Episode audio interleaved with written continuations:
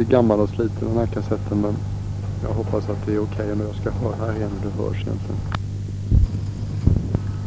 Ja, det är ingen speciellt imponerande ljudkvalitet men uh, det får bli så för det är vad jag har. Jag har en av dina, eller en av de fina kassetterna som ni gav mig kvar men jag vill spara den till något tillfälle när jag gör sista omgång meditationsinstruktioner innan regnperioden. När lastbilarna går på för full gas här utanför. Det är rena skämtet det här klostret.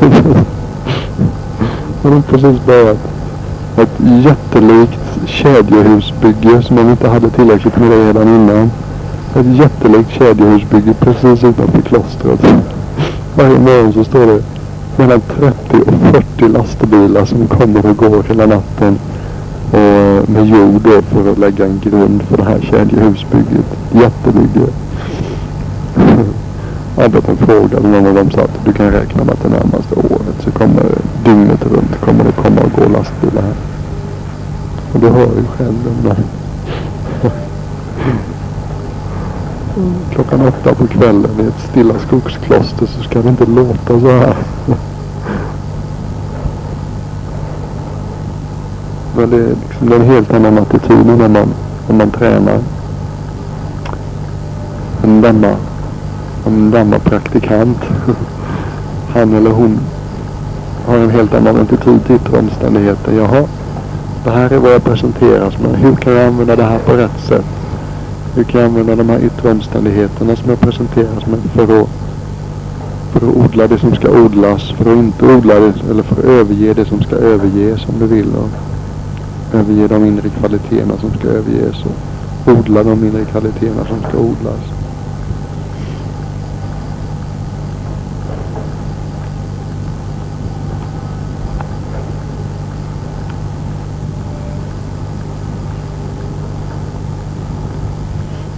Nu är det väl kanske till och med så att till och med jag börjar så småningom att känna att det på sin plats och avrunda det här. Jag ska ta och samla mig lite och se om det är någonting viktigt mer som jag vill ha sagt. Jag har inga djupsinniga addenda. En sak som en, en fälla som jag inte har pratat så mycket om som är lätt att falla i. Det är att, att, att vara för mycket, ska vi säga, prestationsorienterad då när man kommer på sådana här retreater. Nu är jag, Krille Lindeblad, en person som inte kan meditera och nu tänker jag minsann banne mig lära mig att meditera på den här kursen på tio dagar. Och lyckas jag inte med det så är jag en förlorare. Det är inte, det är inte, ett buddhistiskt, det är inte en buddhistisk attityd. Va? Utan i Damman så är vi det är en blandning av, av hårda och mjuka attityder. Vi är mjuka i det avseendet att vi, vi har en ödmjuk vi ödmjukt accepterar att vi är där vi är. Vi är ingen annanstans. Vi har på grund av orsaker och faktorer i det förgångna och den, de handlingar vi har begått som jag tidigare har sagt i det här och tidigare liv så har vi de kvaliteterna vi har som är hjälpsamma och vi har de kvaliteterna vi har som inte är hjälpsamma för att odla inre stillhet och klarhet och uppvaknande. Och där börjar vi. Och om det innebär att vi sitter och somnar hela tiden så är det där vi börjar. Om det innebär att knäna skriker och magen skriker och ryggen skriker hunger och smärta efter att sitta still i tio minuter så är det där vi börjar. Om rastlöshet sätter klorna i oss rutinmässigt så att vi har myror i hela kroppen efter 5-10 minuters sittande så är det där vi börjar. Och vara realistisk. Buddhism är en realistisk religion. Folk anklagar den för att vara deprimerande eller svartsynt eller vad det kan vara. Nej, buddhism är en realistisk religion buddhism är intresserad av hur saker och ting är. Där man försöker beskriva hur saker och ting är. Det är ingen svartmålning, det är inte någon idyllisering utan det är rätt upp och ner. Så här är det grabbar.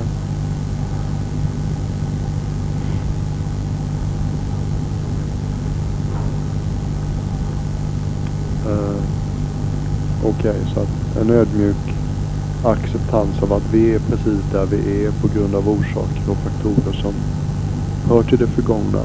Och härifrån, där vi är just nu, så kan vi genom att använda våra klokaste sidor utveckla någonting som kan växa och bli till ett stort vackert träd.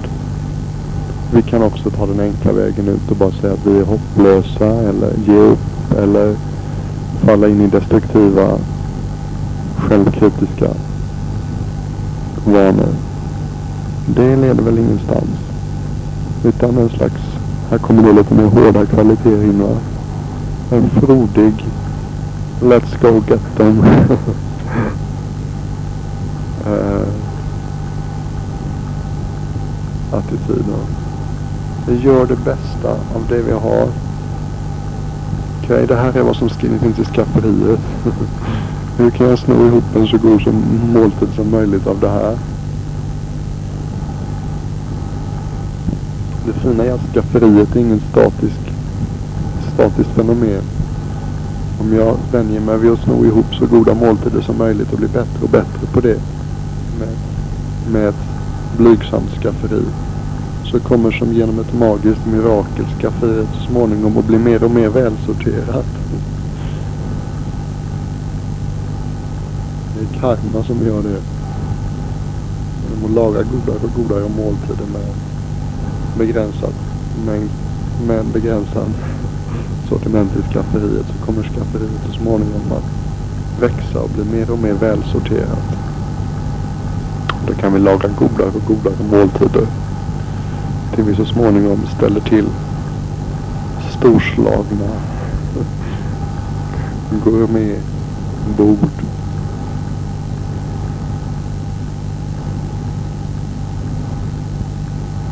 Kylleblad, Lindeblad är inte någonting speciellt som alltid kommer vara på det sättet.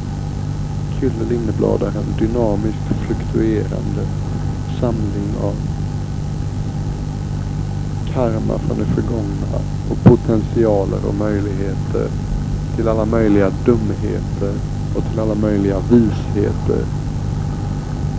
Kylle Lindeblad är en potential till djupt, djupt onda om du vill eller säg bättre ord att använda är okloka, felaktiga, okunniga handlingar.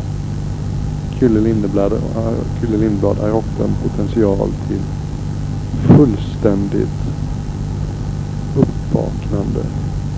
Till det högsta en möjlig, det högsta, högsta realisationen en människa är möjlig. Den finns i Kulle Lindeblad. Kulle Lindeblad är har potentialen i sig till att gå bortom alla former av illvilja, själviskhet och okunnighet. Det har jag sagt redan innan men det är så viktigt så det kan gott höras igen. Och det här är någonting som vi är ansvariga inför genom valen vi gör.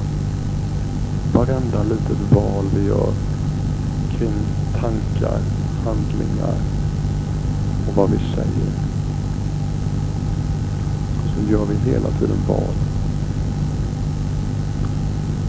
Som kan leda oss till de mest vidunderliga bergstoppar och utsiktsplatser. Och det kan också leda oss ner i de mest otäcka och mörka, hemska källarutrymmena. Det finns ingen annan att skylla på.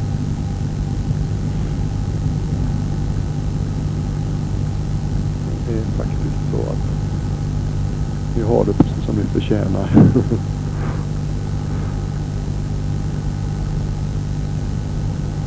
Och där kan man... Ja. ja, nu får det väl vara nog för en dag va.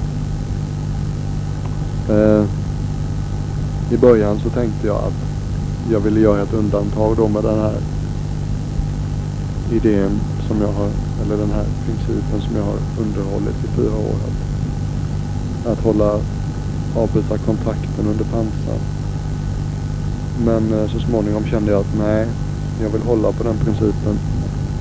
Jag kan prata här tills kossorna har kommit hem. Men eh, jag kan inte bära dig igenom retreaten utan det är någonting som du måste göra själv.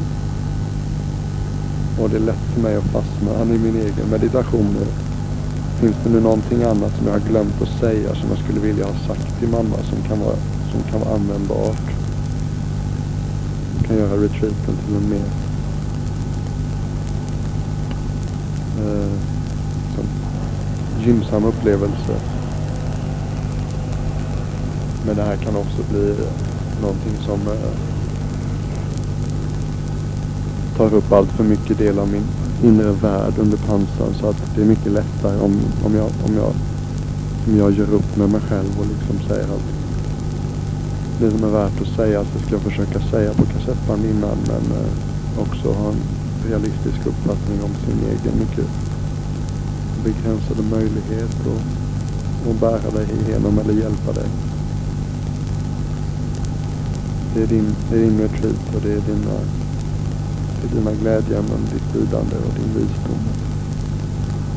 Din dumhet. så att säga. Det är vad som kommer att avgöra hur det, hur det går. Och i det riktigt långa loppet så är kanske inte det viktiga heller. Hur du, hur du, eh, hur det går för dig på retreaten. Utan det viktiga är faktiskt om, om damman är någonting som du bestämmer dig för att du vill fortsätta att använda dig av i ditt liv. Eller om du bara får en uh, fadd bitter eftersmak i munnen och säger att nej, det där vill jag inte veta så mycket mer om det. Det där var bara jobbigt och jobbigt och hemskt och obekvämt. I det senare fallet så kan man väl säga att retreaten var ett totalt misslyckande. Medan som ett frö då sås eh, där du känner att damman är någonting som du vill försöka använda dig av så mycket du kan i livet och använda som en kompass och en guide som kan hjälpa dig att höja livskvaliteten och öka livsglädjen i ditt liv. Kan man väl säga att retreaten har varit en komplett succé. Även om den bara innebar en massa sömnighet, långtråkighet, knä, ryggsmärta hunger efter kanelbullar och kaffe. Glöm inte det under retreaten att det är en, en, det är en begränsad tid som du eh, gör vissa försakelser. Det är inte så att du måste ge upp allting som du tycker om i sinnevärlden för resten av livet bara för att du väljer att använda damman. Utan under den här begränsande tiden så avstår du från kanelbullar från eftermiddagen och från långsamma söndagmorgnar i sängen. Men du behöver inte avstå från det för gott. Men det är någonting du väljer att göra just bara på den här begränsade korta tiden. Som träningsregler som hjälper oss att se de begär som vi inte riktigt har gett upp fortfarande. Men påminn dig om det när du blir negativ eller kritisk eller miss misströstande eller deppig under retreaten att det är inte för evigt. Det är bara de här 10-12 dagarna som jag ska leva på det här lite, lite tuffare viset. Sen kan jag gå tillbaks till det som jag tycker är värt och vill, vill, vill, vill ha kvar vad gäller sinnlig njutning. Det är också sant att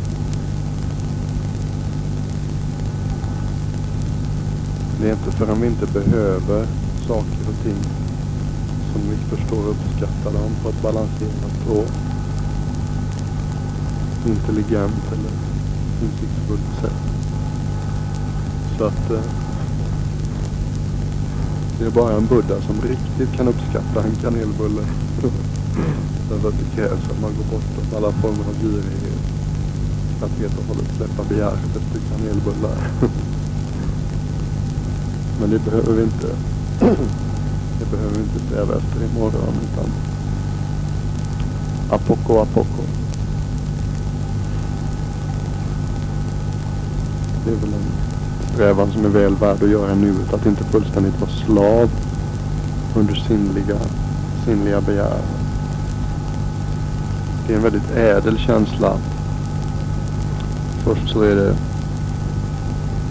jag måste ha en kanelbulle. Får jag inte en kanelbulle så går jag under. Nästa steg är jag vill verkligen ha en kanelbulle. Men jag bestämmer mig för att jag tänker se det här begäret till sitt slut utan att äta en kanelbulle. Genom att avstå från kanelbullen. Här är det steget det kan kallas att inte mata flygen, inte mata katten. Och det tredje steget är, åh, jag erbjuds en kanelbulle. Jag kan ha eller mista kanelbullar. Kanelbullar är inte ett viktigt inslag i mitt liv. Kanelbullar har sin plats i mitt liv. De är inte avgörande för min livsglädje eller livskvalitet. Nästa steg är Jag klarar mig utmärkt utan kanelbullar. Men om det nu är så att det är viktigt för dig att ge dig glädje och se mig äta en kanelbulle. Så visst kan jag äta en kanelbulle.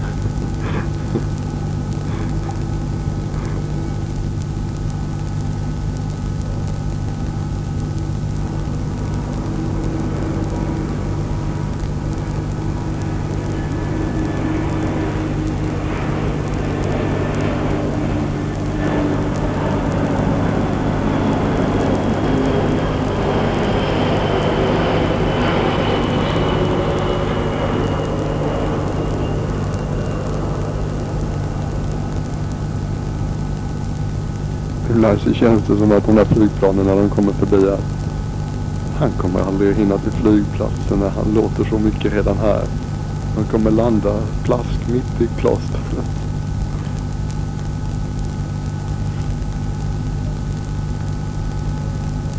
En annan grov, grov liknelse som man kan vara, kan vara väl värd att göra. Det här kan vi kalla lik, kanelbulleliknelsen. vad gäller sinnliga begär. Vi kan göra någonting som vi kan kalla för eh,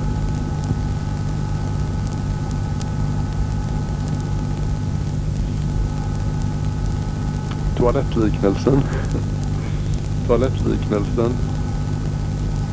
Eh, och ökad förståelse av osjälviska handlingar första steget är jag ska minsann städa den här toaletten så att alla på den här retreaten, inklusive Adjan Semeto, ser vilken osjälvisk och präktig människa. Nej, men så alla på den här retreaten, inklusive munkarna, ser vilken, vilken förträfflig och osjälvisk människa jag är. Nästa steg är Usch, tycker inte om det där flamboyanta. Jag står i centrum av universum. Aspekten av självisk, osjälviskt handlande. Så att jag försöker att städa toaletten. Utan att göra det för att alla andra ska se vilken präktig figur jag är. Eller vilken fin människa jag är. Nästa steg är att vi går upp en halvtimme innan alla andra för att kunna städa toaletten utan att någon ser att det är vi som har städat toaletten. Därför att en god handling är en god handling och blir ännu bättre av att ingen annan vet att vi har gjort det. Nästa steg gör livet lite mindre komplicerat. Vare sig någon ser det eller inte så städar jag toaletten. Därför att det är en handling som är väl värd att göras. Okej. Okay. Med kanelbulleliknelsen och toalettstädningsliknelsen så lämnar jag här. Det här långa samtalet, den här långa monologen. Och hoppas att eh, har funnit någonting, några frön att odla i din inre trädgård.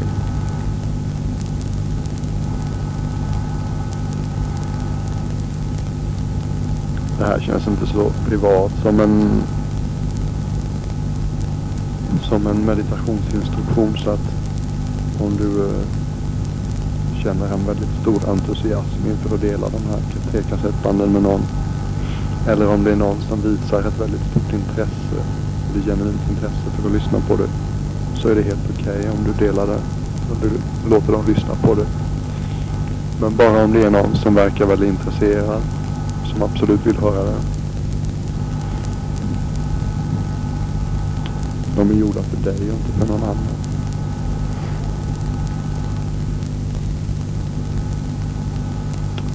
Okej. Okay. Over and out.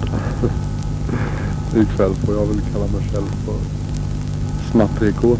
Istället för nattrikon. Pladdrikon. Eh, ganska hälsosam snackighet.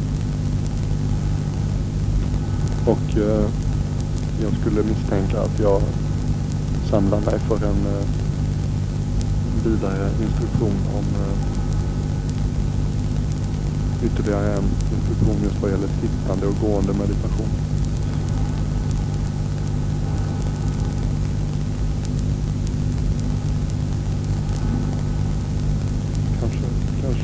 kul tillfälle. För att jag vill inte göra det till någon för stor grej heller.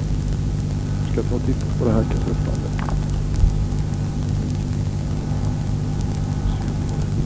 kassettbandet. Ja, göra slag i saken och eh, avsluta med en eh, meditation, en sittande meditation. Så får det bli. Nej, förresten. Jag ändrar mig där. Låter det sätta punkt här. Always stop when the going is good. Jag ska lämna kalaset när det är som bäst. Du behöver ju faktiskt inte vänta på mina instruktioner för att göra lite trevande försök inom området sittande meditation. Det här, vad vi kan kalla svepa kroppen upp och ner ett utomordentligt eh, initialt meditationsobjekt även för sittande. Vad man kan säga som, som då är speciellt för, för, för sittande meditation så är det väl just positionen. Det kan, man, det kan jag faktiskt säga någonting om idag. Eh, börja, börja sitt så, så, så fort du kan. Börja regelbundet sittande meditation. Buddhan satt när han hade upplysning. Sittande meditation är av stort värde. Vänj dig vid att sitta. Det är väldigt bra när du kommer till England och Amravati om du redan har en etablerad sittande meditation. Därför att då känns det inte så främmande. Och många av de svårigheterna som dyker upp har du redan mött då och de känns inte så nya. Uh, så att jag tänker inte säga någonting nu om, om meditationsobjekt. Därför att du har redan ett utmärkt meditationsobjekt. Och det är den här systematiska svep, svepet över kroppen fram och tillbaka. Där du går igenom de olika kroppsdelarna. Det här ger en förhöjd, förfinad kroppskännedom. En grundad, rotad som jag har kallat fötterna i myllan. Förmågan att, att kroppsnärvaro, kroppskännedom. Fördelen med att göra den i sittande är att det är inte lika stor risk att du somnar till som det är när du ligger ner.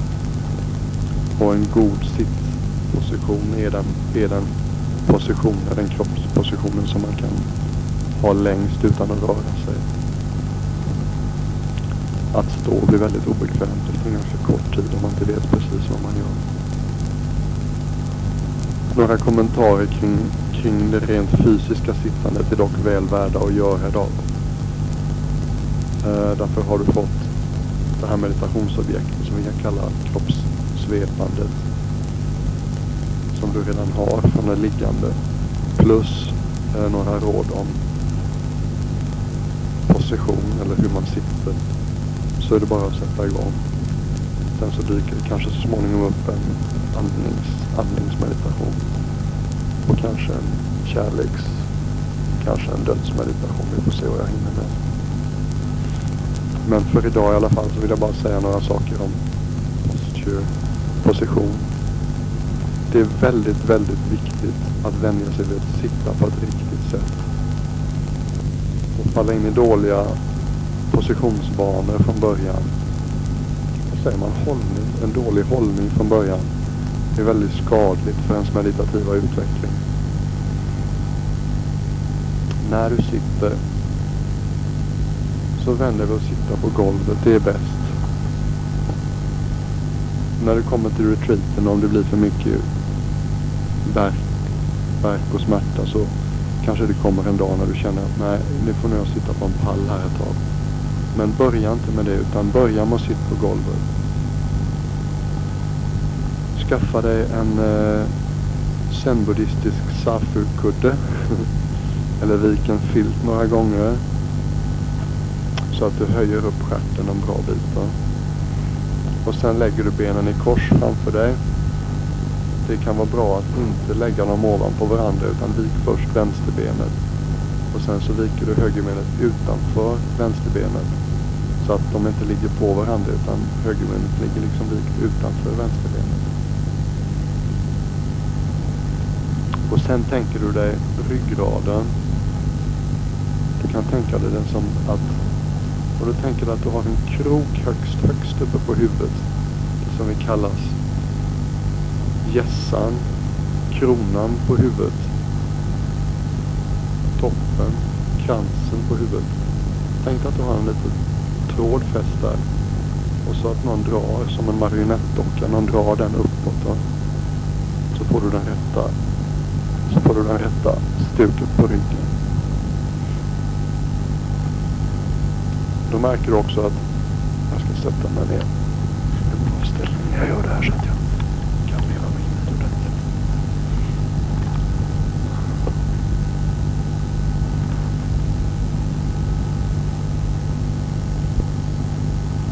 Om du utgår från det, en liten, en liten tamp fäst högst uppe på huvudet som dras uppåt av en osynlig kraft. Så får du en bra ryggrad. Den behöver inte vara spikrak utan den svänger lite naturligt. Huvudet uh, huvudet håller vi lite som om kanske en position som inte skulle kännas helt naturlig för en kvinna därför att den kan tendera till dubbelhaka lite grann. Men vi drar in, drar in hakan en smula. För att vi ska tänka oss att ryggraden så som den fortsätter upp under hjärnan eller uppe i nacken. Det ska vara en rak fortsättning. Så att vi skjuter inte fram hakan eller ut hakan utan snarare drar vi tillbaks den en smula.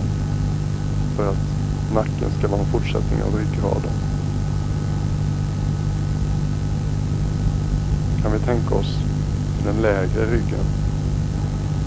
Som om någon, eller ja, säg, över ryggen mellan, mellan skuldrorna så kan vi tänka oss att någon, här, skjuter vi framåt en smula kanske. Som om någon med en vänlig hand trycker bara lite grann. Samma sak ner i lägre ryggen. Inte mycket alls. Man kan säga att när, när vi sitter rätt så känner vi det. Nu sitter jag rätt. Och i början så tar det väldigt mycket uppmärksamhet. Det kan kännas som om i början när du mediterar så kommer du nog uppleva det som att du spenderar mesta delen av tiden med, med att sitta rätt. Men det är helt okej. Okay. För det är viktigt att börja med en bra hållning. Börja med en bra sittposition. Därför då rör sig också de kroppsliga energierna mycket lättare runt omkring. Så att andningen blir lugnare och naturligare och kroppen slår sig till ro mycket lättare. Så att det har du nytta av hela, hela ditt meditativa liv. Axlarna ska slappna av, det är viktigt.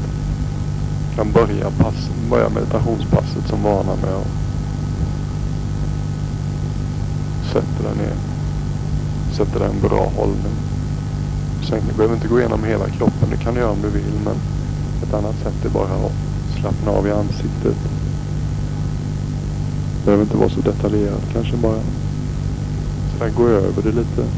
Ögonen. Mm. Slappna av kinderna. Slappna av axlarna. Mm. Slappna av händerna. Vänster hand ligger i höger hand. Tummarna rör lätt vid varandra. Handflatorna uppåt. Vänster vilandes i höger.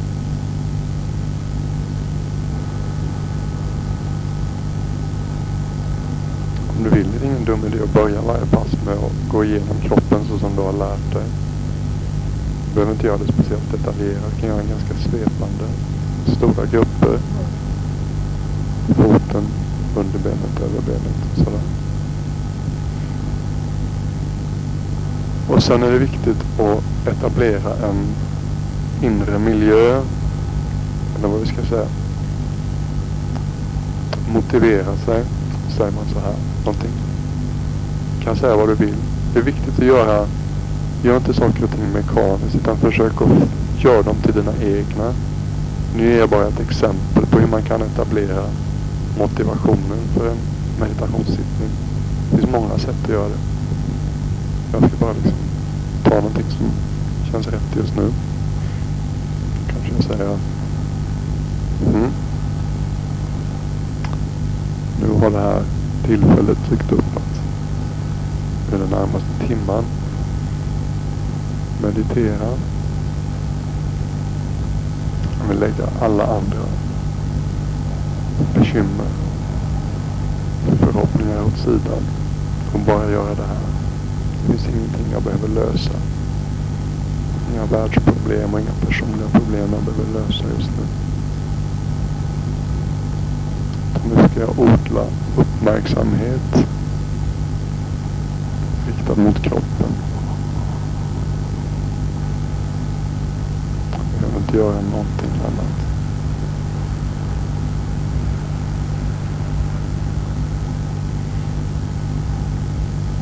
Och det är en sammets, sammets augustinatt med precis lagom temperatur.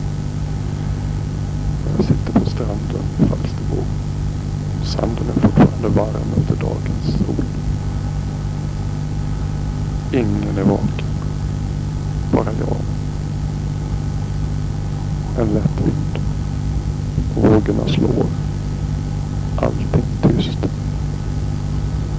Universum är vänligt inställt. Det finns inget som hotar. Allting stödjer mig. I den här intentionen. Att under den närmaste timmen, timmen bara sitta här. Och ägna mig åt mitt meditationsobjekt. Och stödja och odla goda kvaliteter. Och att överge och inte odla kvaliteter som inte har någon nytta.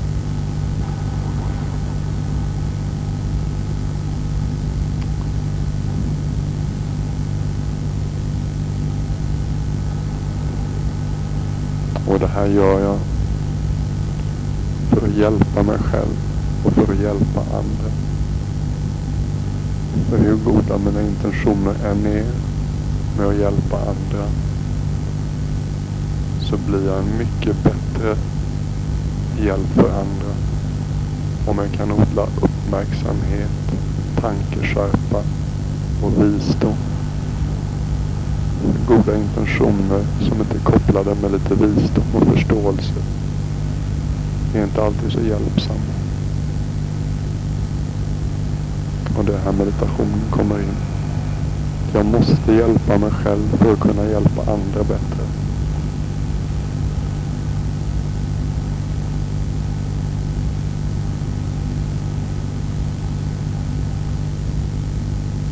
Det här är bara ett exempel på slags inre peptalk som man gör för att påminna sig själv om varför man mediterar. Fokuserar sinnet, etablerar sig.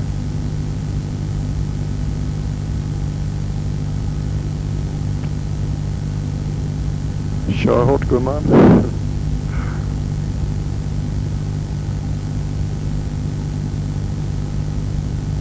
Det är något mer som behöver sägas om sittande. Gör en vana när du sitter att sätt en tid som du ska meditera. Och så sitt kvar och meditera den tiden. Ge inte upp innan. Och på samma sätt, även om det känns kanske riktigt bra ibland, så gör inte till en vana att sitta längre när det känns bra. Därför att det kan lätt odla en slags girighet. Att mm, om det känns okej okay då, då ska jag sitta länge. Men om det bara känns sådär som vanligt trist och grått eller eh, smärtsamt, då vill jag inte sitta längre. Utan sitt så länge som du har bestämt dig för. Sätt en klocka. Lägg klockan på en plats så att du inte ser den. För då sitter du liksom och småtittar när det känns långtråkigt. Och inte någonting som tickar för mycket för då blir man lätt väldigt besatt av tid. Och så sätt en tid som är rimlig vänder vid att ge dig själv utmaningar som du kan uppfylla. Och hela tiden säga att jag ska sitta en timme, jag ska inte röra mig. Jag ska aldrig lyckas med det. Då känner man sig hopplös till slut.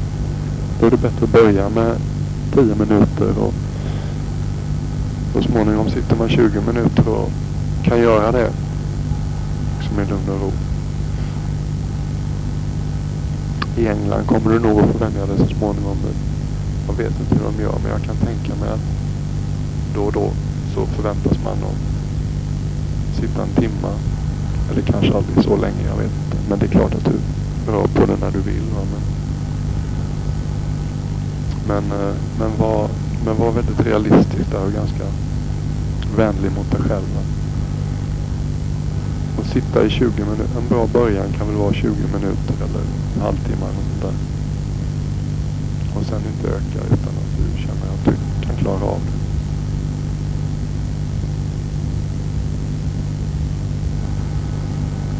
Och så ge de här, ge de här perioderna under dagen hög prioritet. Nej, tyvärr, det passar inte mig för just då är jag upptagen med någonting annat. Det kan man faktiskt säga när man ska meditera. Lägg av telefonen den tiden. Var noga med att förklara för resten av familjen att då vill jag inte bli störd. Gå ut i lillstugan när du ska medda. Åk över till våningen. Försök att skapa en viss tid varje dag när du gör det. Sinnet har en tendens att gå upp och vana så att om du vet att mellan den och den tiden varje dag så då brukar jag meditera. Och då vänjer det sig vid det så småningom och stillnar lite nästan automatiskt den tiden på dagen. Tidig morgon och på kvällen är bra. Efter maten är inte speciellt bra.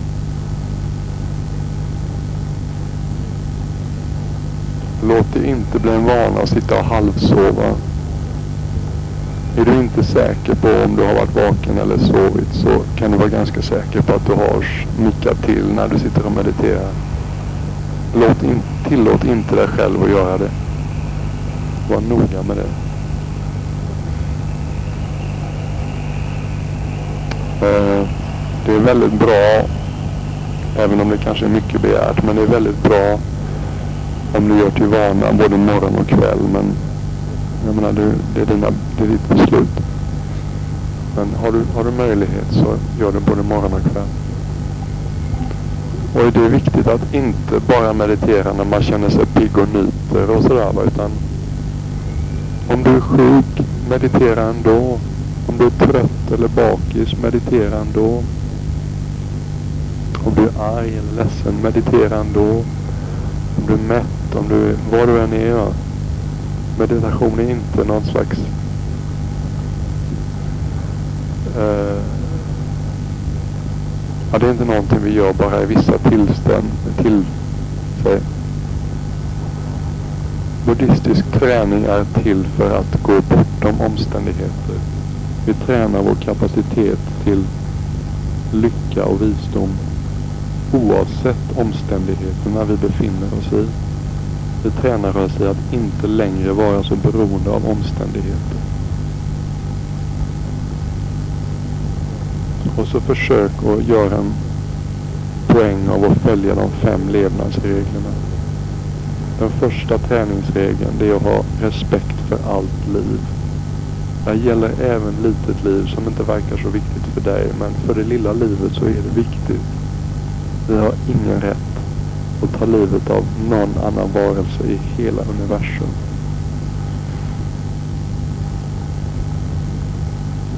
Att vara noga med att inte ta någonting som inte tillhör dig. Det ska inte vara några stora problem.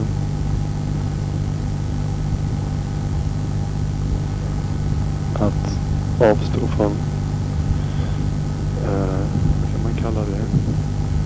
Sexual misconduct tror jag inte heller ska vara något större problem. Det är det tredje. Säga att inte vara otrogen är väl en lämplig översättning. Att avstå från felaktigt tal. Det är någonting som de flesta av oss har mycket att lära sig. Felaktigt tal har fyra delar. Den mest uppenbara är att inte ljuga. Och där ingår också överdrifter. Där kan dina skånska anlag ha någonting att bita i kanske, vad vet jag.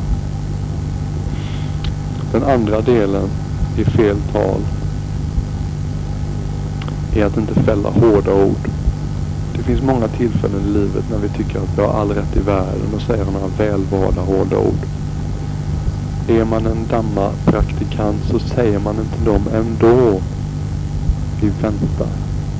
När vi inte är arga längre, när vi känner oss i balans. Om det är någonting som är värt att peka ut, då gör vi det då. Utan att fälla hårda ord. Och det tredje delen i fel tal, det är att prata illa om folk. Det finns ingen anledning. Det är som att kasta, det är som att kasta bajs omkring sig. Vi är smutsigast själva. Och den sista delen är att prata skvaller och sånt som är helt onödigt. Det gör bara att vi och andra fyller upp våra sinnen med meningslöst oproduktivt inre skval. Utan istället vänjer vi oss först fråga oss själva. Är det här hjälpsamt? Om det är hjälpsamt, då säger vi det. Det är inte hjälpsamt, det är inget att säga.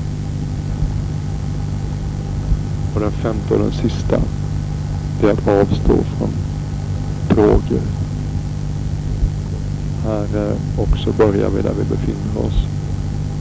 Ju mer du tränar dig, ju mer kommer du se vilken dålig idé, vilken dålig idé det är att förvanska perceptionen och, och verklighet genom alkohol är väl egentligen den enda drogen som är aktuell i ditt fall. Du verkar rätt. Du verkar rätt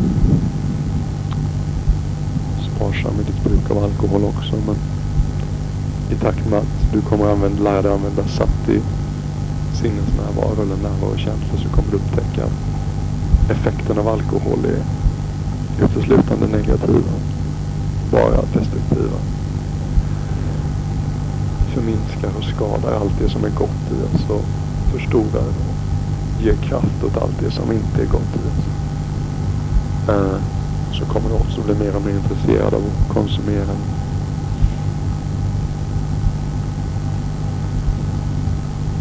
Men eh, följa de här fem levnadsreglerna på ett allt mer förfinat raffinerat och noggrant sätt. Allt eftersom, du, eh, allt eftersom du ser värdet av det. Det kommer att vara en enorm stöd.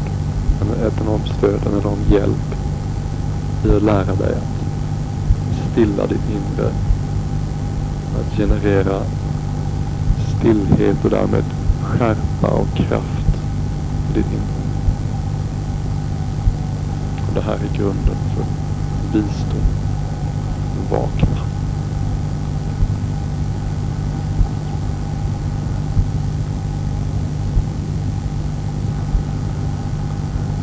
Okej. Okay. Det var svårt att sluta. Tack för idag. Jag känner som du har suttit bredvid mig hela tiden men väldigt tålmodig lyssnars, lyssnerska. Lycka till så gott. Det bästa av allt. Från mig. Hej då.